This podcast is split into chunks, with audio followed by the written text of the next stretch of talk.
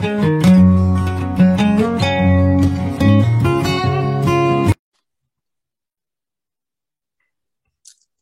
kas žiūrite, sveiki, kas prisijungėte. Kaip ir kiekvieną savaitę kalbinu kažkokią savo pažįstamą ar pažįstamą draugą, bendramintį ir iš kurio galima kažką išgirsti, įdomaus, pasimokyti, ar ne, tai žmonės, kurie negyvena standartinio gyvenimo, tai žmonės, kurie pasirinkę kažkokį kitokį kelią, kurie galbūt neina į darbą nuo 8 iki 5. tai žmonės, kurie labai susijęs su kūryba, tie žmonės e, dalinasi. Ir tai yra labai šviesų žmonės ir šiandien noriu pristatyti Adelę. tai Adelė, gal tu geriausia būtų, kad pati papasakotum apie save ir ką tu šiuo metu iki, gal nuo to pradėti reikėtų. Labas, Simona, labas Simonos auditorija. Labai malonu, kad pakvietė mane į šį pokalbį, kuris tikiu bus, e, net neįsivaizduoju apie ką, bet pamatysime. o e, visą laiką galvoju, žinai, kaip čia prisistatyti, kaip ką, nes manau, kai e, žmonės yra gilioje kūryboje ir tame autentiškame gyvenime, tai turi labai daug skirtingų vaidmenų. Nežinau, tikriausiai pati Simona, supranti, apie ką kalbu. Tai pas mane tų vaidmenų irgi nemažai. Kuo šiuo metu gal gyvenu, tai um, esu Lapitipio uh, kaip uh, bendrai kurėja, kuri yra kaip uh, unikali nakvynės vieta Dzukijoje. Da, dabar plečiamės ir kuriam dar didesnį projektą, tai uh, sekite naujienas. Taip pat užsiemu kvepavimo terapiją, vedu rebefingo sesijas, moterų ratus, konsultuoju individualiai, bet dabar pagrindinis fokusas yra lapitipis, kurį kuriam su, nu, su savo antrąją pusę donatų. Tai va, ir gyvenam gamtoje, daug rašau, daug kuriu, tapau, kas išeina visiškai iš vidinės būsenos, ką nori tuo metu veikti. Tai... Bet taip nebuvo visada, ar ne? Oi, tikrai ne. Tai ką norėjau sakyti, kad tikrai nėra darbas nuo 8-5, ta kūryba eina pastoviai kiekvieną minutę tos dienos. Tai sakau, kai žmogus išeina nuo 8 iki 5 darbo, tai išeina iš 24-7 darbą tikriausiai, arba net keičiu tą žodinę darbo kūrybą. O tikrai tai nebuvo visada taip. Prieš tai dirbau tą nuo 8 iki 5 ofisinį darbą. Sekėsi tikrai neblogai ir studijavau užsienį, dirbau užsienį. Penkis metus gyvenau trijose šalyse - Kinijoje, Anglijoje, Australijoje.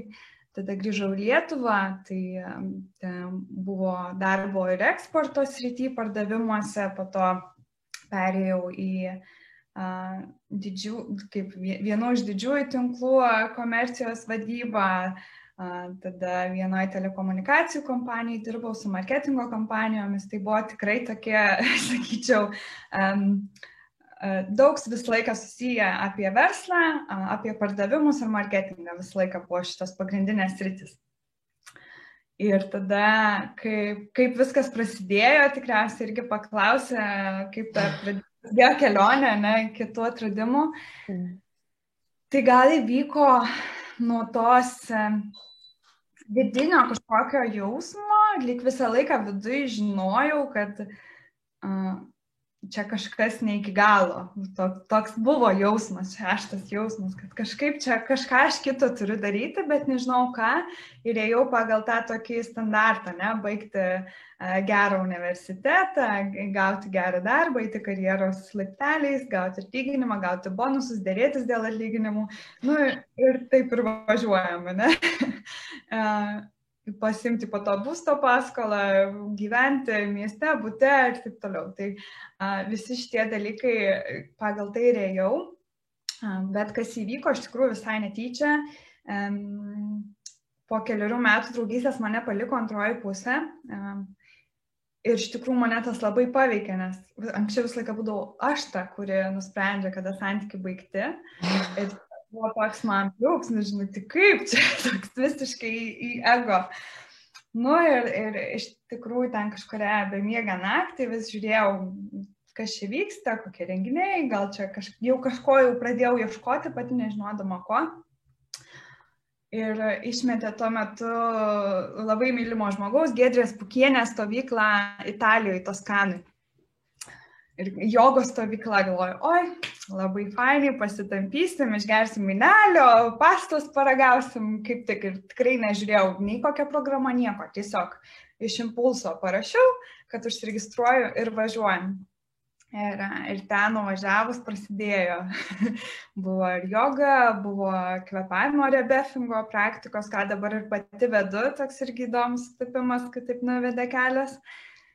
Ir tada ten įvyko tie va tikri tie suvokimai, kad aš nesu tik fizinis kūnas, aš esu kažkas daugiau, kad atėjau kažką čia daugiau nuveikti. Um, aha momentas toksai gyvenime. Taip, taip. Lūžas. Ir gal pris, tokie prisiminimai tų tokių, um, pavadinčiau, transcendentinių patirčių, ką turėjau anksčiau vaikystėje.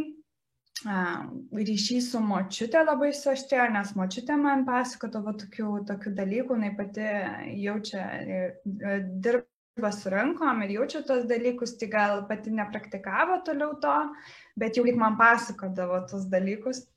Ir tada jo, supratau, kad dabar jau nebebus taip kaip anksčiau. Grįžau, atsimenu, Lietuvą ir nu, visiškai kita būsena, kad atrodo taip stebi save iš šono, ne, grįžti, grįžti į tą vat, gyvenimą prieš tai, supranti, kad jis nebebus toks ir tada įsijungia kažkoks automatiškai stebėtojas, o tai ką aš čia darau? toks pradėjau savęs klausti, tai ką aš čia darau su savo gyvenimu. Tai va, bet tada tikrai ne, nepriminėjau drastiškų sprendimų, tada tiesiog šalia uh, vyko daug praktikų, daug ieškojimų, daug mokytojų įvairių, uh, tiesiog ėmiau skanauti visus tos dalykus. Mhm. Gal dabar iš šono sakau, sakyčiau, tas dvasinis turizmas, bet manau kažkuriam etape jis gali būti naudingas vien kad suprasti, apie ką visą tai, kas tai yra ir taip toliau. Na ir tada sekė po to jau ir pačios e, suvokimai, kad noriu pati kažko mokytis, tai sekė coachingo mokslai, reikia mokslai, rebefingo mokslai, toliau ir kiti dalykai. A, na ir, ir galų gale dar bandžiau iš, išeiti iš darbo, po to vėl grįžau, buvo toks e, on and off, ne, lyg grįžti iš ne, nežinai, dar, dar pati tada neturėjau idėjos, ką aš čia noriu veikti ir toliau. Ir tada dar tas vis tiek vyksta ta tokia inercija, ne? vis tiek tave ta inercija dar gali pagauti atgal, jeigu nėra tas a, stiprus stebėtojas, tai tuo metu jo tikriausiai nebuvo ir, ir grįžau atgal dar į korporacijas dar porą metų, um, bet jau su kitokiu požiūriu, mažiau streso, mažiau pergyvenimo, mažiau viršvalandžių ir taip toliau. O po to, kai buvau pasiruošęs, tai išėjau iš tų samdomų darbų. Ir tikrai, kai dabar pagalvoju, jau dabar porą metų, bet kai išėjau ir koks buvo pirminis planas, ką aš veiksiu gyvenime ir kur dabar esu, tai net nebūčiau pagalvojus, kad aš kažkada tai darysiu. Ir Ir tas tikriausiai labai sutapo su tuo, kad kai aš išėjau, pradėjau nuo nulio kurti, sakykime, savo gyvenimą, savo veiklas, iš tikrųjų daryti tai, kas man patinka. Tada atėjo mano dabartinė antroji pusė Donatas ir mūsų požiūriai ir tai, kad mes norim. Ir jisai irgi pradėjo viską statyti nuo nulio, tik grįžęs į Lietuvą po 16 metų migracijai. Ir mes tokie susitikom labai panašiam taške. ir, ir turbūt iš to nulinio taško, kai esi e, su daug entuzijazmų, su daug idėjų, tai va ir gimsta gražus dalykai ir lapitipis yra to, to rezultatas.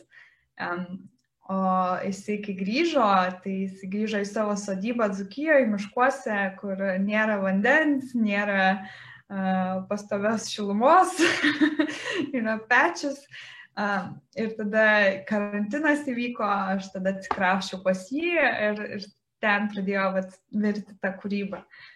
Ir tikriausiai tas dar paskatino, kai išeini iš to visiško komforto, prie ko mes esame labai pripratę, tas diskomfortas iškelia kažkokius tos gilesnius, gilesnius kūrybinius procesus. Tai, tai tas procesas buvo labai gražus, o toliau dabar tęsim visą plėtrą, kūrybą, gilį ir taip toliau. Atsimeni tą dieną, kada priemiai sprendimą, kad nu viskas, gana jau viskas išeinu ir, nu,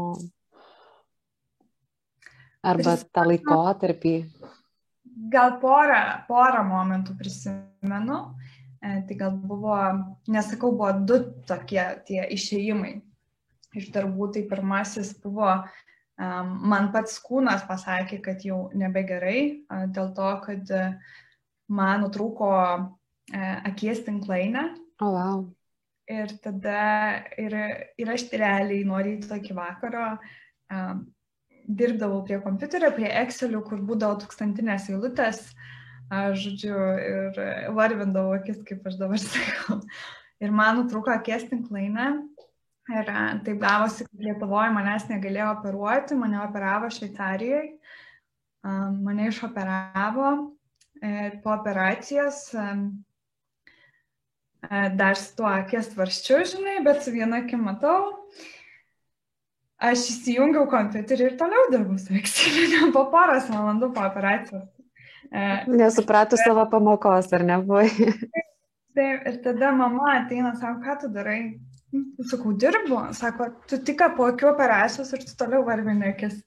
Nu, toks bet, buvo kontaktas.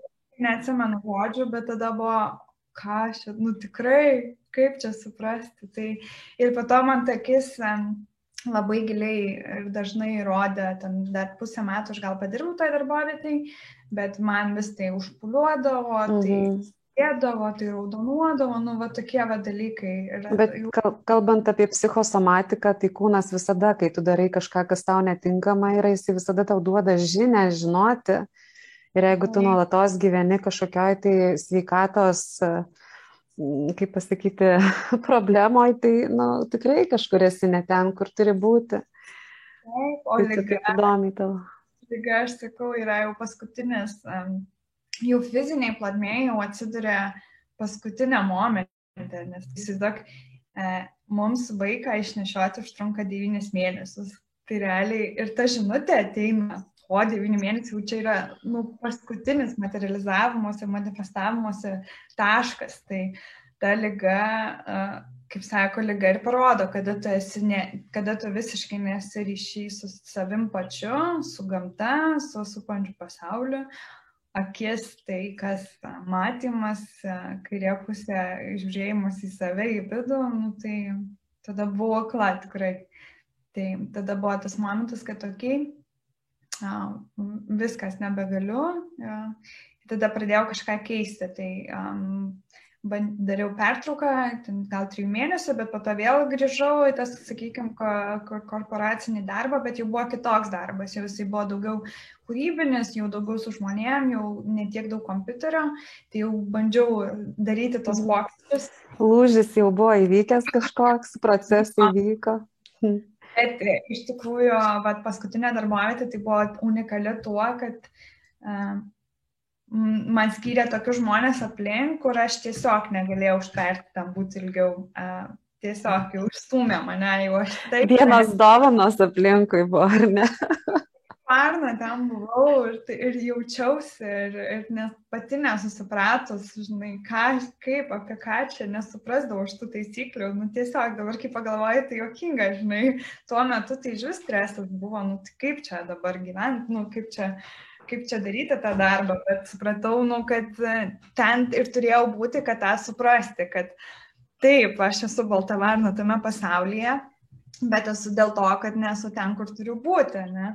Ir, ir, ir tos tie išskirtinumai ar tie uh, kiti talentai ar kiti kažkokie įgūdžiai duoti yra tam, kad aš juos naudočiau, o ne kad juos slėpčiau, uh, mm. kas buvo kažkuriam etape, kad, uh, nu, aš atrodo, lyg du gyvenimus gyveni, ne, ne, ne ten į korporaciją, ten nes švarkelis, kostiumėliais, po to grįžti, grįžti namo ir ten palosanto meditacijos, mantros ir taip toliau. Tai, nu, kaip skirtinga iš tikrųjų. Ir po to man buvo tas, iš tikrųjų, coachingo mokslai, dėl ko man labai padėjo.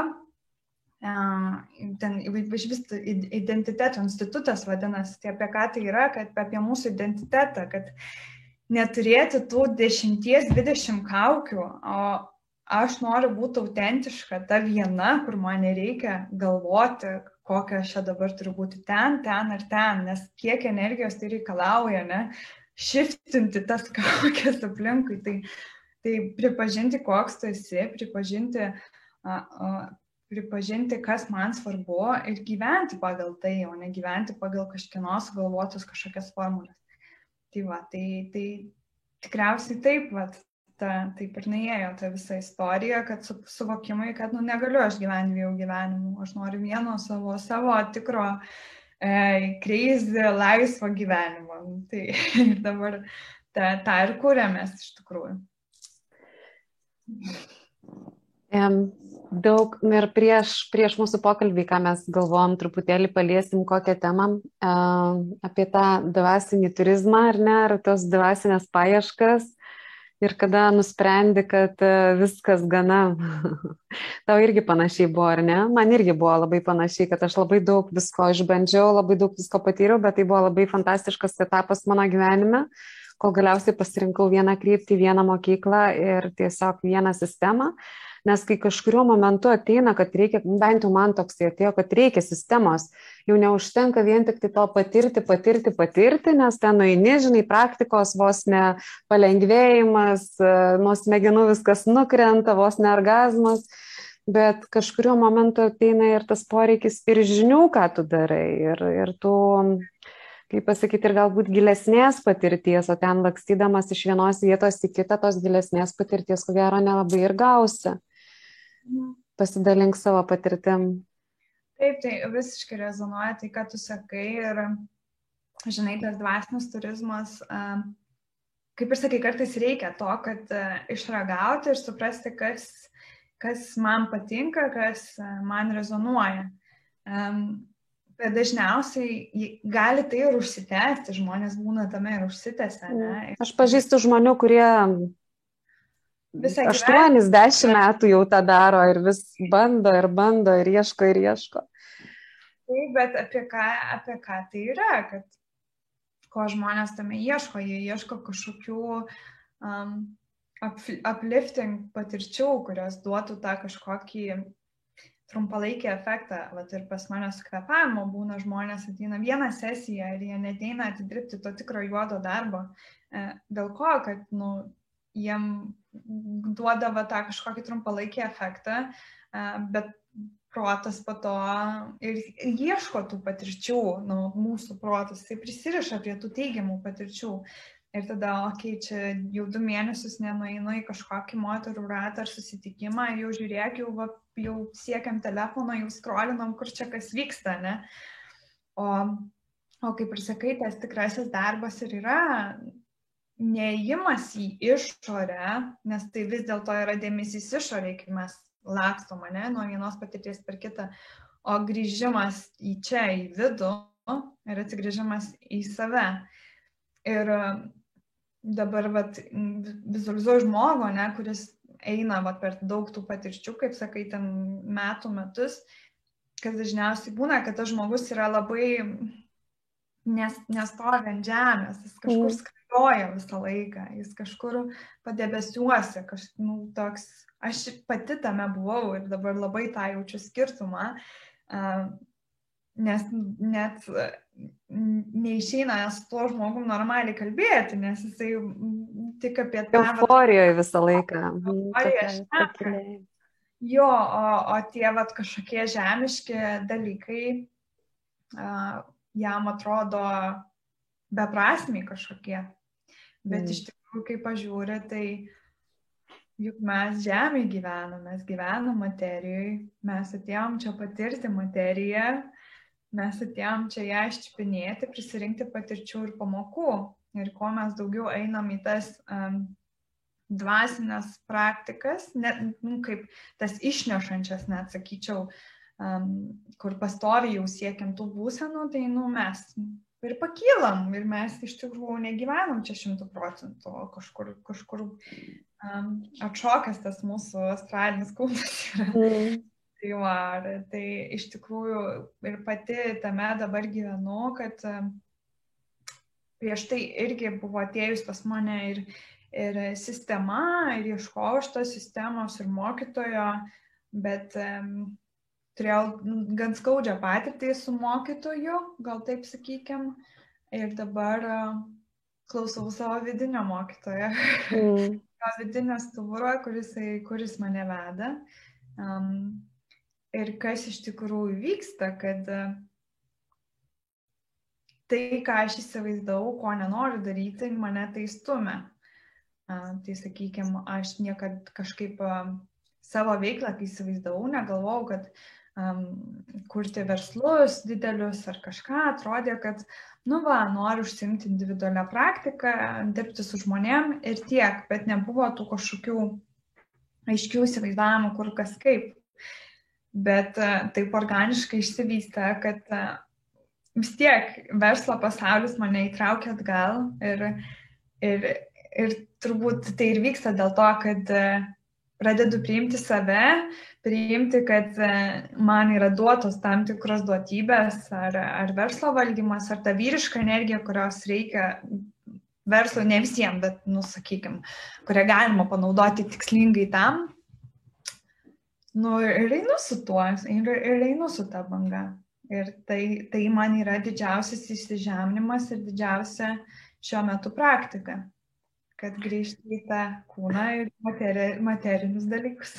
Tai yra duota žmon, žmogui kojos, kad jis galėtų jausti žemę po kojom, duotas viršugalvis, kad galėtų susisiekti su Dievu. Ir visada duota žmogui širdis, kad uh, turėtų kelią nuo vieno į kitą. Labai, labai gražiai pasakėjai. Akcentą. ja. Taip, širdis yra mūsų pusiau, pusiaukelė, ar ne, kalbant apie energetinius kanalus, tai taip ir yra, ar ne, mūsų pirmas energetinis kanalas, įsiženinimas, šaknys ir panašus dalykai, paskutinis yra santykis su Dievu, su visata, bet mm, net įvairiuose kursuose, ar ne, arba mokymuose, tikrai e, neskiria dėmesio tiek kiekvienam kanalui, vis tiek tiltas yra visą laiką širdis. Tai būna, kad ir kokias bevyktų ar ne, visada e, daugiausia dėmesio reikia skirti tam, kad e, viskas susijėtų į vieną. Čia kaip lipalas. Jūs jau pasakyta, kur, kur kiek ko reikia, tas energijos, pėdas į viršų gali. Oi, dabar papasakok man šitą apie tą grįžimą į gamtą, ar ne? Miesto vaikas buvai, ko gero, miestuose, dideliuose miestuose gyvenai, ar ne? Kinija. Iš tikrųjų, gal kitaip, aš kaip ne? tik užaugau gamtoje. Gamtoje. Gyvenom už miesto, pati Alitai, žinai, kur sodai yra. Mhm. Mes užaugom visiškai gamtoje ir aš e, lakstydavau miškuose ir buvo atveju, kai mes su broliu pabėgam į mišką ir mūsų ieško tėvai per visas apylinkės, nu, tokių vairių buvę momentų. Tai kaip tik visą laiką augau gamtoje, labai labai arti gamtos. Ir tada išvažiavus, e, baigus mokslus, e, sekė tie didmiešiai. Taip, tai buvo etapas didmiešių. Taip, taip, tai buvo Anglija, po to Australija, Melburnas ir galų gale buvo Šanhajus, Kinija, kur jau supratau, kad iš tikrųjų ten buvo suvokimas, ko man iš tikrųjų trūksta, kad trūksta tos gamtos, nes ten būdavo tokių momentų, kai uh, išlenda saulė ir tu jautiesi kaip vampyras, nes tau pasupranti, kad dvi savaitės ar mėnesį nematėjai saulės dėl oro taršos. Mm. Ar, ar visą laiką e, garsai, tas užėsys e, pastoviai, kad važiuoti į kažkokį panašesnį į mišką daiktą jau reikėtų dvi valandas su metro. Ir tas gal buvo irgi momentas, aha, iki šiol prisimenu. Visą laiką, kai būdavo metro e, piko valandos, Ir galite įsivaizduoti Kinijoje masę, masę žmonių. Ir einam iš vienos stoties į kitą tunelinio požemio. Ir, ir viena linija, kita, ten nežinau, kiek ten tų žmonių. Ir, ir tas garsas kaip robotuko armijos. Du, du, du, du, nes visi eina, žinai. Net eisenas suvienodėjus visur, ar ne? Taip, nes ritmas tas pats. Ir aš toks, va, žinai, ir tave neša ta banga, net būdavo momentų, kai eini tu į metro. Ir tau jau atrodo, kad jau viskas, jau tu paskutinis. Dar 20 banga ir tu jau kitam gale metro ir kaip čia supras, kaip čia tai įvyko. Tai, tai ir tuo metu aš dirbu tokį darbą finansiniuose pardavimuose, kur ten, nu, wow, jeigu matė Wall Street filmą, tai va toks buvo mūsų vaibas, kur būdavo ten vakarėliai, atšventimai kiekvieno pardavimo, e, nuo ryto iki vakaro, išgertuvės ir taip toliau. Tai ir aš jau tuo, jau tuo metu, aš jau buvau, tarsi, aš labai anksti išsilakščiau tą vakarėlių, kaip čia liūtės vaidmenį. Ir man jau tas tai buvo nuobodu, tai beprasmiška, žinai, ir jau Ir e, kai jau pati po to pradėdavau neiti į tuos dalykus ir po to jau, nu, jau supranti, kad, nu, aplamai tas gyvenimas ten apie ką. Neturi prasmės. Visiškai, visiškai. Tarsi jau už tie pinigai nebe, nebedžiugina ir, ir tas didmiestis, nu, ne, supranti, kad jau gamtos ir lietuviškų miškų pasilgsti. Ir, ir Jeigu to, gyvenimas sukasi tik tai apie pinigus, tai uh, Jo, kažkurio metu pradedi galvoti, o tai dėl ko jie, jeigu aš jau negaliu kažkaip išleisti, tik tai kartą per metus išvažiuoti porą savaičių atostogų, ar ne? Taip, taip, taip, čia kaip po to jau pinigų nėra laiko, ar nėra kam mus leisti. Ir tada buvo um, mamos gimtadienis ir aš skambinu mamai ir sakau, mama, aš grįšiu ant tavo gimtadienio. Aš sakau, ko nori dovanų, sakau, aš grįšiu tavo gimtadienį, žinai, į Lietuvą. Ir tai va, ir grįžau tada į Lietuvą. Tai ta, toks va, yra, buvo. Grįžai ir jau likai. jo, grįžau ir likau. Nors tikrai irgi nebuvo lengva, nes um, jis buvo gan sunku iš tikrųjų darbą susirasti, nes visi galvoja, kad aš pabūsiu trumpai, išeisiu, vėl išvažiuosiu ir taip toliau.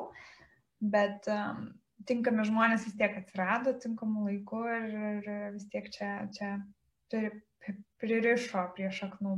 Tai ir po to, ir, ir iš kitos pusės, žinai, žiūrint, visą laiką aš galvoju, kodėl aš tiek norėjau pabėgti, norėjau e, gyventi kažkur kitur, keliauti pastoviai daug. Supratau irgi tų praktikų dėka, kad aš bėgau nuo tam tikrų dalykų, kad aš bėgau nuo um, sprendimo ryšio su šeima, su tėvais, su protėviais, kad norėsiu nukirsti tą šaknis, norėsiu būti labai individualistė ir tik tai aš, o, o mesgi nesam niekada vieni. Tai a, tas ryšys tikriausiai vis tiek toks stiprus buvo, kad ir privedė, nu, kaip ir pritempė, kad grįžčiau atgal ir kad išspręščiau tos dalykus. Tai va, ir po metų atėjo visos tos praktikos, suvokimai, patirtis. Nu ir va. Ir tada išsikrausti į kaimą, sodybą be patogumų? Jo, čia buvo prieš, tai čia prieš du, du metus. Du metus. Susipažinom. Tai tada mes metus gyvenom jo sodyboje be patogumų, be vandens, su pečiom, krosnim, be, be normalaus tualeto.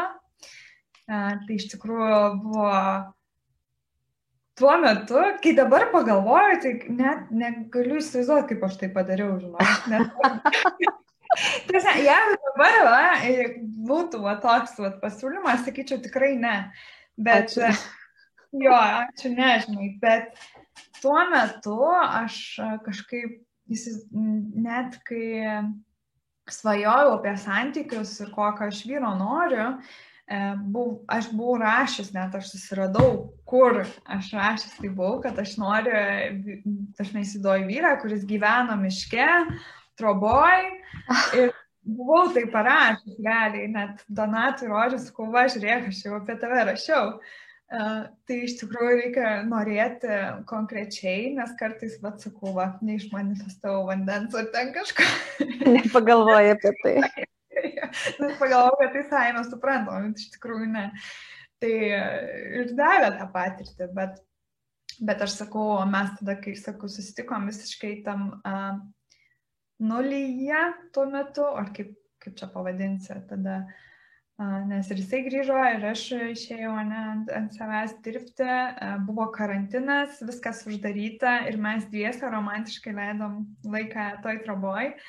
Tai aš sakau, kad mes per tuos pusę metų turbūt nudirbome tokį darbą, kur poras nudirba per 4-5 metus, nes mes taip gilėjom, mes tikrai ir, praktik, ir praktikos ir įvairiausios suvokimai ir kaip ego apvalo tokie dalykai, kai tu grįžti į tą visišką autentišką buvimą, kad ir tą įsižeminimą, tai tiek įžemina, va tiesiog, pavyzdžiui, ten turi plauti indus ir tai nėra taip, kad ateini ir kraną, ne, atsikirti, tu turi daryti, tu turi nuvažiuoti jo nusipirkti ar prisipilti to vandens, tu turi jį pasišildyti, tu turi ten atmirkyti, išpilti ir taip toliau. Tarsi, tai visas procesas, žinai, ir kad tam tikri dalykai, ką mes taip vertinam, kaip čia tas taking for granted, kaip lietuviškai. Mm. Nu, kaip kad net nesusimastom, kad galėtų būti kitaip. Taip, bet, nu, bet iš tikrųjų žmonės taip gyvena, kai daug, daug kas, nu, čia galvojam, kad visi taip, o ne prabangiai, bet e, tada taip. jau dušą pradedi kitaip vertinti ir tą vandenį pradedi kitaip vertinti ir žemės resursus, resursus pradedi kitaip vertinti. Matai, iš kur kas ateina, kaip kas grįžta į gamtą. Ir, ir lapitipis, kai gimė, tai lapitipis irgi gimė, ten nėra jokių patogumų, bet aš sakau, kad tai ir yra vienas iš tų grožių, grožių ir autentiškumo, kad žmonės susiduria su tuo vos ne pirmą kartą. ir, ir kad žmonėm yra nepatogu ir žmonės tada jiems iškelia tas diskomfortas, tuos slapčiausius, tuos tamsiausius jų užkabarius, kur tu pamatai tą žmogų tą, ar ant, antrą pusę, kaip jisai dylina su tokiam situacijom, tu pamatai, koks tas iš tikrųjų žmogus yra, ne? Tai Tai aš visiems linkiu kartais patirti tokių patirčių ir poroje, ir santykiuose, nes, nu, nu, wow, tikrai. Ir, ir aš sakau, po to jau, kai pradėjo gimti tie visi kūrybiniai procesai su Donatu po pusės metų maždaug, tai jau daug dalykų buvo praspręsta ir tada tie dalykai nebekaišo tų pagalių toj kūryboje. Aš nesako, aišku, kad kažkas neiškils ateityje, bet uh, jau vis tiek yra tas kitoks ryšys ir kitos santykis, nes aš mačiau jį tamsiausiose dienose, nes buvo ir sveikatos išbandymų ir visko. Ir jisai mane matė, kad aš nesu ta, žinai, baltarankė princesė ir kai reikia vandens, aš galiu nueiti į upelį ir jo prisisemti. Bet mes taip pat žinom, kaip mes vertinam tos dalykus, kai ateina tie dalykai, ne kažkokie ar materialiniai, ar pasiekimai, ar suvokimai, kai mes kitaip ir vertinam tos dalykus. Ja, išėjimas iš komforto zonos, tai man atrodo yra labai svarbus kiekvienam žmogui. Ir jeigu tu ne, nu, ta prasme, jeigu tu neišeidinėjai, tai tave išstumė kažkuriuo metu, ar ne, per, per lygas, per dar kažką. Bet um, apskritai, aš kadangi tantrinį mokykloje esu, tai apskritai išėjimas iš komforto zonos tai yra tantros principuose kaip vienas pagrindinių varančių ir auginančių dalykų tai visada yra sakoma, bent jau pas mus, kad tu turi visą laiką būti geltonoj zonoje, tai yra trys zonos - žalia, geltona, raudona ar ne šviesoforas. Jeigu tai esi raudona, tu patirsi labai daug diskomforto ir tada tau protas labai priešinsis. Jeigu tu būsi žalioji, tu niekada neauksi. Ir tik tai buvimas geltonoje zonoje yra, kai yra saugus augimas, ar ne? Nu, tai pat, pavyzdžiui, jeigu tu visą laiką keliesi 10 ryto ir staiga nuspręsi, kad keltis iš ryto, tai 5 ryto jau čia būtų išėjimas iš tokios jau, jau ekstremalus keltis 5 valandom anksčiau, čia būtų raudona zona. Bet jeigu tu keliesi 10 ir tu kitą dieną atsikeli 9.30, o dar po dienos 9 ir kas pusvalandį, tai čia yra toksai geltonoji zonai buvimas, ar ne? Jeigu tu visą laiką keliesi 10, tai tu nieko nekeitėsi ten, kur buvai. Tai Tai, nu, va, tas komforto zonos išėjimas, jisai žmogui reikalingas tam, kad jisai uh, pauktų, ar ne, nes uh, Buda irgi, kol gyveno savo karalystėje, jisai neaugo tik tai išėjęs iš jos, pamatęs, kas yra už, uh, už tvoros, tik tai tada prasidėjo būdos nubudimas ir augimas. Ir apskritai pasaulį, kas vyksta, ar ne, nu, at, pavyzdžiui, vakariečiai tam savo burbulė gyvena ir dabar va, tenka susidurti, kad kažkas vyksta visai arti, ar net tas pats COVID, karo situacija. Ir žmonėm kelia beproto labai daug, bet kai pagalvoji, tai visada tas vyko kažkur ir visą laiką tas buvo kažkur, tik tai nebuvo taip arti, o kai yra toli, tai tu to nejauti. Ir tas nekelia nieko, o kai susiduri, tada tik tai ką su tuo darysi? Aš sakau, dabar šiuo metu pasaulis išgyvena didžiausią savo dvasinę praktiką tikriausiai Taip. per šimtmečius, nes kaip ir pati sakai, jeigu pats neini į tai, tai tau užkel situacijas kažkokias. Tai pačiam dvasinis augimas iš tikrųjų, aš net tai pasakyčiau, tie, kurie sąmoningai eina į dvasinį augimą ir um, suvokimą ir tų patirčių ieškojimą yra beproto drąsų žmonės, nes iš tikrųjų ėjimas per tą skausmą ir pasižiūrėjimas tos tamsiausius dalykus ir išėjimas iš komforto zonos reikalauja be galo daug energijos, be galo daug noro, ryšto ir žinojimo, ką tai man duos. Net kartais iš vis nežinojimo, į kur tai prives, nes tai gali visiškai persti gyvenimą, kaip aš, pavyzdžiui, netyčia nuvažiavau į Italiją ir tai apvertė mano gyvenimą kardinaliai ir aš supratau, kad viskas, aš nebegyvensiu taip. Tai ir dabar, kas vyksta, ar korona, ar, ar va, dabar situacija, ne kaiminystėje, kaiminystėje tai, tai tą daro, ką tai iškelia. Tai vieni iš vieniems iškelia nesaugumo kažkokią baimę, kitiems finansinės baimės, kitiems baimę dėl šeimos, mirties baimę. Mirties baimė tik yra pati. Tai visos baimės iš tikrųjų yra susijusios. Nėra jokios baimės, kuri nesiremtų galiausiai į mirties baimę. Taip, taip. Tai čia visi mes turime, aš sakau, kai mes visi suprasime, kad mes nesame tik fizinis kūnas, viskas turėtų pasikeisti. Ir netgi va, dabar praeitą savaitę dalyvau konferencijoje apie miško terapiją ir, ir gamtos terapiją. Ir realiai ten tas suvokimas, kad šių dienų problemos yra vien dėl to didžiausia problema, kad žmogus galvoja, kad jis yra visatos centras. Kaip pažiūrėjau. Taip, taip kad žmogus, kad žmogus tą vis visatos centrą nori įrodyti, tą ego nori įrodyti, įtvirtinti, įsąmoninti, bet realiai, ką, kas ir dabar rodo, kad tas veda link to, kad tą stiprų tokį įsisenėjusi įsitikinimą, kad jis, kad jis suduštų, kad gimtų nauja sistema, kad gimtų naujas pasaulis, nauja žemė, kur knyga Kartolė, ne, naujoji žemė, nuostabi mm. knyga. Tai jis apie tai ir kalba, kad turi gimti, turi mirti, kad atgimtų kažkas naujo. Energetinę, energetinį perversmą labai stiprų ir gilų išgyvenam kurį laiką. Ir tikrai sunku žmonėm, tiem, kurie nepratė išeiti iš savo komforto zonos ir ne, va, tu matai su savo su, su, su, su tipiu aš matau keliaujant juose žmonės, ar ne, kaip jiems įvairūs dalykai kelia diskomfortus ir kaip sunku galbūt prisitaikyti prie situacijų. Tai iš tikrųjų tai yra tas laikas, kai tu turi mokytis, nes nu, pokyčiai jie bus visada, jie buvo visada. Vat, pavyzdžiui, kas yra įdomu, kad 1900-aisiais gimęs, jis yra išgyvenęs pirmą pasaulinį karą, jis išgyvenęs ispanišką gripą, jis išgyvenęs antrąjį pasaulinį karą ir e, didžiąją depresiją, bet jam buvo kur kas lengviau tam žmogui, negu mums dabar išgyventi COVID ir išgyventi karą, kuris yra net ne tavo šalyje kažkur, dėl to, kad jisai neturėjo informacijos ir jisai daug buvo gamtoje.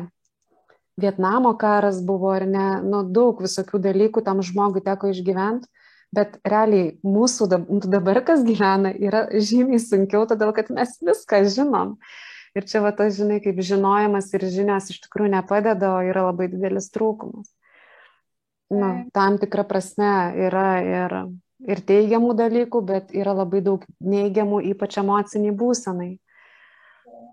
Taip ir kas e, dar vyksta, žinai, kad e, ištrigerina tuos skausmus ir tas žaizdas, kurios nėra nebūtinai tik mūsų. Taip, tai protėvių.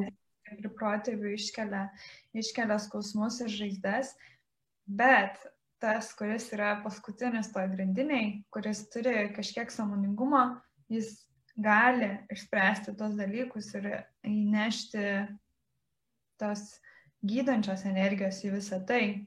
Mhm. Bet, kaip sakai, tam reikalingas tikrai aukštas samoningumas, suvokimas, kas, kodėl ir kaip vyksta, tam tikros žinios, bet jau vien meilė ir vien intencija, kad aš gyvensiu kitaip, jau gali tai, tai, tai gydyti ne, ir tai, tai visiškai pakeisti ateinančių kartų gyvenimą.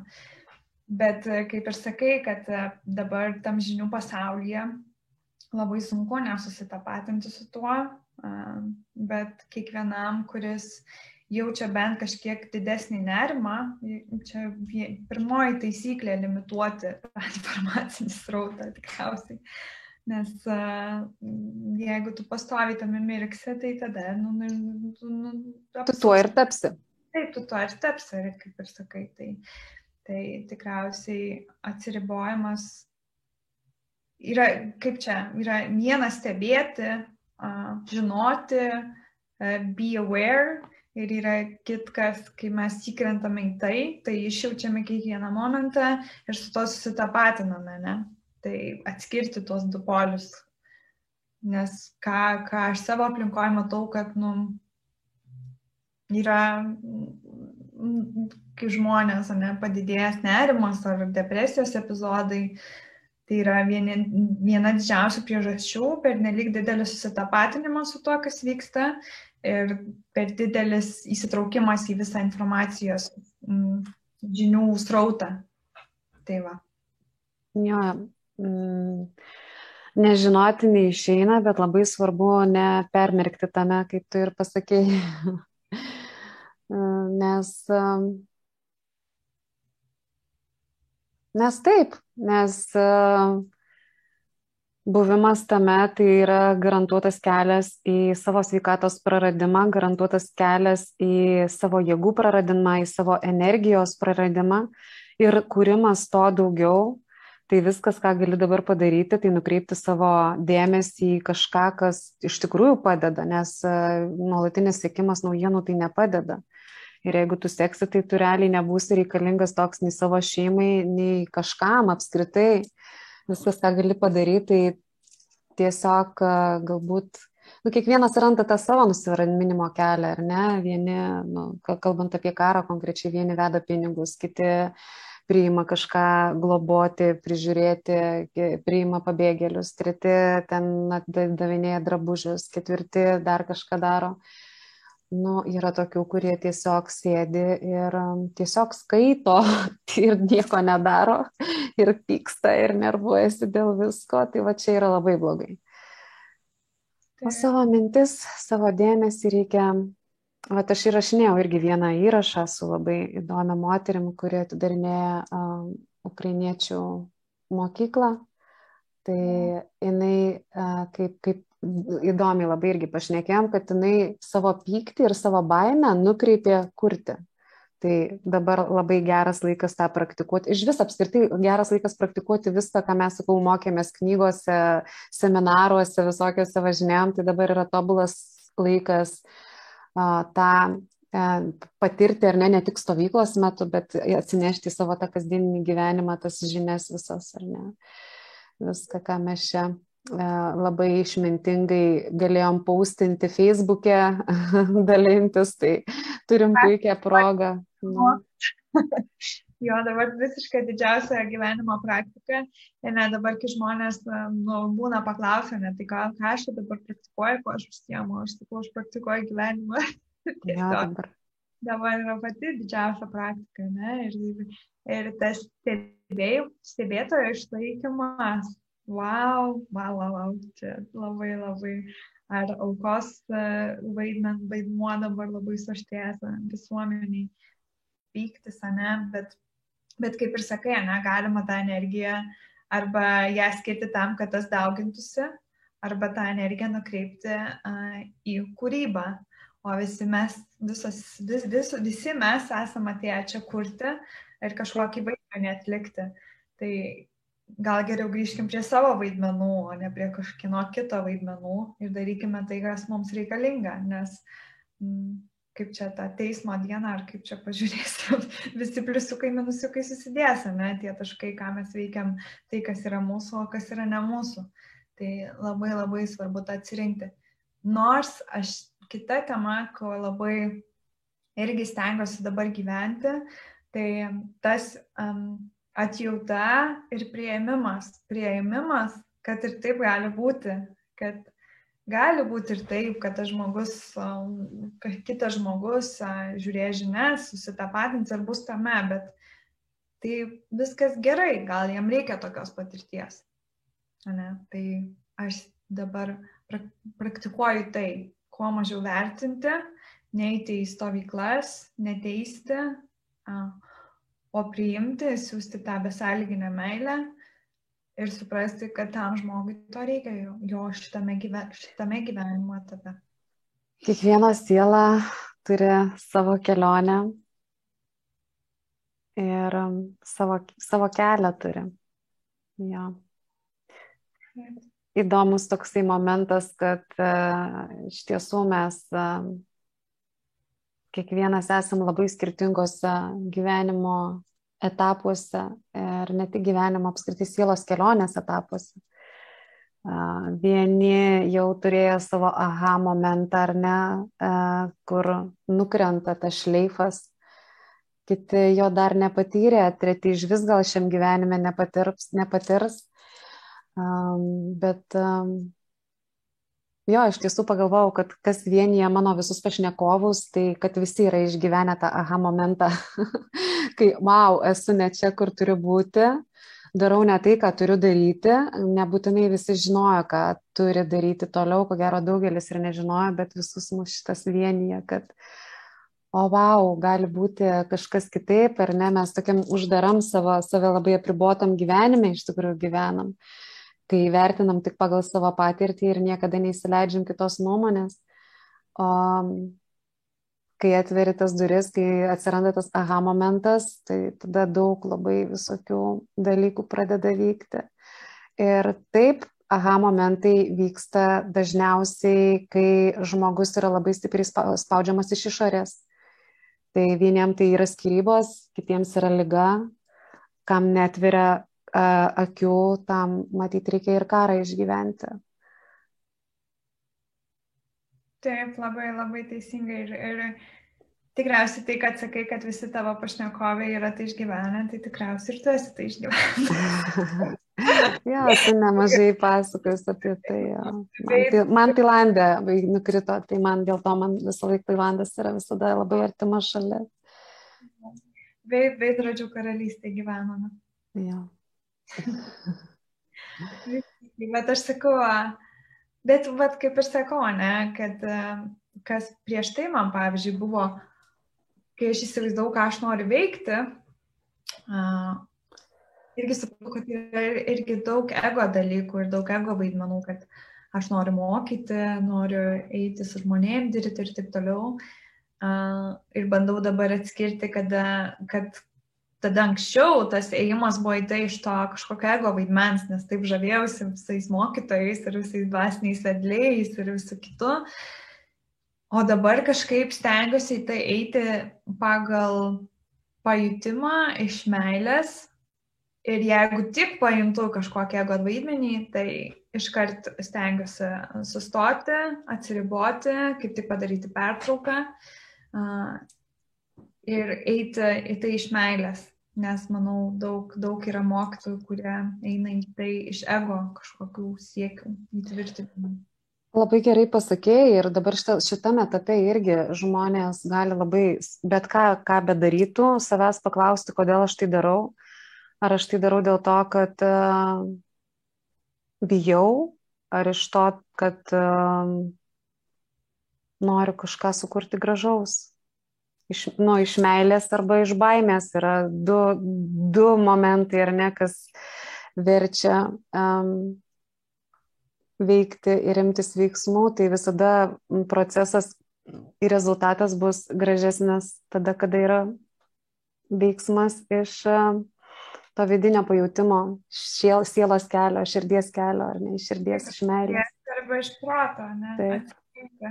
Tai ir, ir eiti į tai, bet jausti, kada protas sako, ne, ne, čia nesąmonė. Aha žinai, tos pasakymus, kai jau lyg jauti širdim, kad tau ten reikia eiti, bet protas, ne, ne, čia ne, ne, ne, čia ne tavo vaidmuo, bet iš tikrųjų pripažinti, kad tai gali būti tavo vaidmuo ir susi, susitikti su tuo.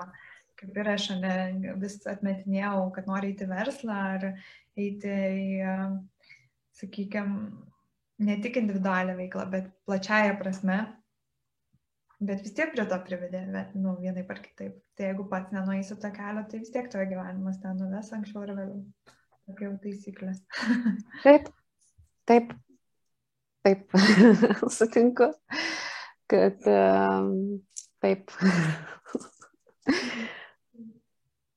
Visiems duota, dar vakar važiavam su draugė ir diskutavom, kad uh, ar ne mes visą laiką kažko norim, ar ne, kažką vat, e, gulim, manifestuojam, čia dabar madinga labai manifestuoti, kurti mintimis savo gyvenimą ir savo realybę ir taip toliau. Ir mes nuolatos manifestuojam ir kuriam. Ir paskui net pykstam, kad mums neduoda, ar ne, va čia jau, o, du metai dar nepraėjo, būna ir taip. Ir, bet iš tikrųjų, tai, iš tikrųjų mes tas galimybės tai gaunam manifestacijų, kaip pasakyti, uh, gaunam kiekvieną kartą, kad e, Dievas visą laiką tau siunčia kažkokį žmogų, ar ne kažkokį susitikimą, kažkokią mintį, idėją, knygą ar dar kažką, bet tau reikia tai pamatyti. Nu, bet labai paprastas pavyzdys, mano draugė turi labai daug gražių idėjų ir taip toliau, ir čia turėjo kurti ten healing centrą ir, nu, nepadarė, ar ne. Ir kad uh, jai viskas duota, jai viskas duota, tik tai uh, reikia imti ir daryti.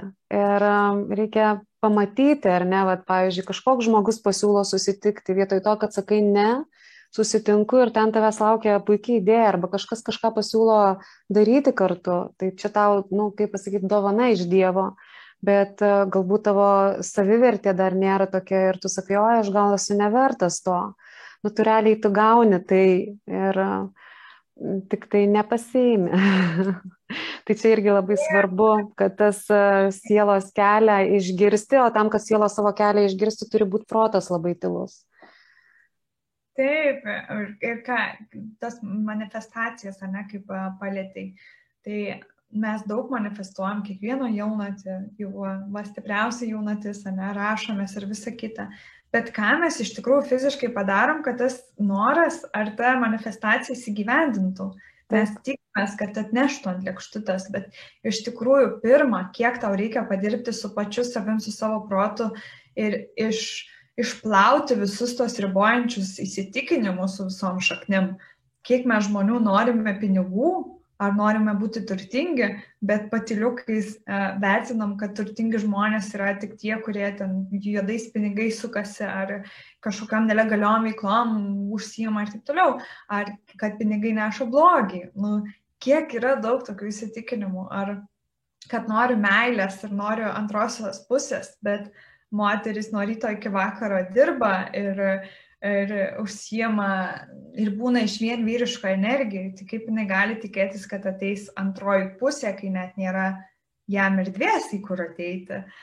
Tai visų pirma, jo, tas pradirbimas su mentalu, pastebėjimus turibuojančius įsitikinimu, jų pertransformavimas, perprogramavimas, kad galėtų ateiti kažkas. Nes jeigu mes nes tos visos programos, visi ribojantys įsitikinimai, jie vibruoja, jie, ne, iškart blokuoja tai, ką mes norime pasiekti. Lik širdim norim, bet kūne tai vis tiek tas yra vibracijos. Arba kaip žmonės nori sveikai gyventi ar, ar, ar turėti nuostabų kūną, bet kiek mes iš tikrųjų padarome, kad tai turėtumėme per mytybą, per aktyvumą, per meilę kūnui, meilę savo, ar kiek mes nežinau, šeim, norime šeimos, bet mūsų šeima aplinkui, kuri yra mus, mes neskiriame jai laiko, žinai. Tai, nu, va tokie dalykai, tokie atrodo paprasti dalykai, bet man atrodo žmonės daug tame ir užstringa, kad jie labai nori, bet jie nedaro. Pagrindinė taisyklė. Reikia kažką daryti. Dėlė mūsų pokalbis eina į pabaigą. Tai galbūt yra kažkas, kad tu, nežinau, dar norėtum pasidalinti arba pasakyti, arba kažką palinkėti, galbūt tiems, kas mūsų klauso, o tie, kas klauso, jeigu patinka įrašas, galite paspausti kokią nors laiką arba širdelę, galite dalinti su savo draugais ir taip auginti ir kurti bendraminčius aplink save. Tai Adelė, tavo paskutinis žodis šiame pokalbėje? Ačiū tau, Miloju. Aš iš tikrųjų, ką norisi palinkėti, gal pagrindinis dalykas, sugrįžkime į meilę savo ir gyvenimui. Tai mylėti save ir mylėti gyvenimą, kurį gyvename.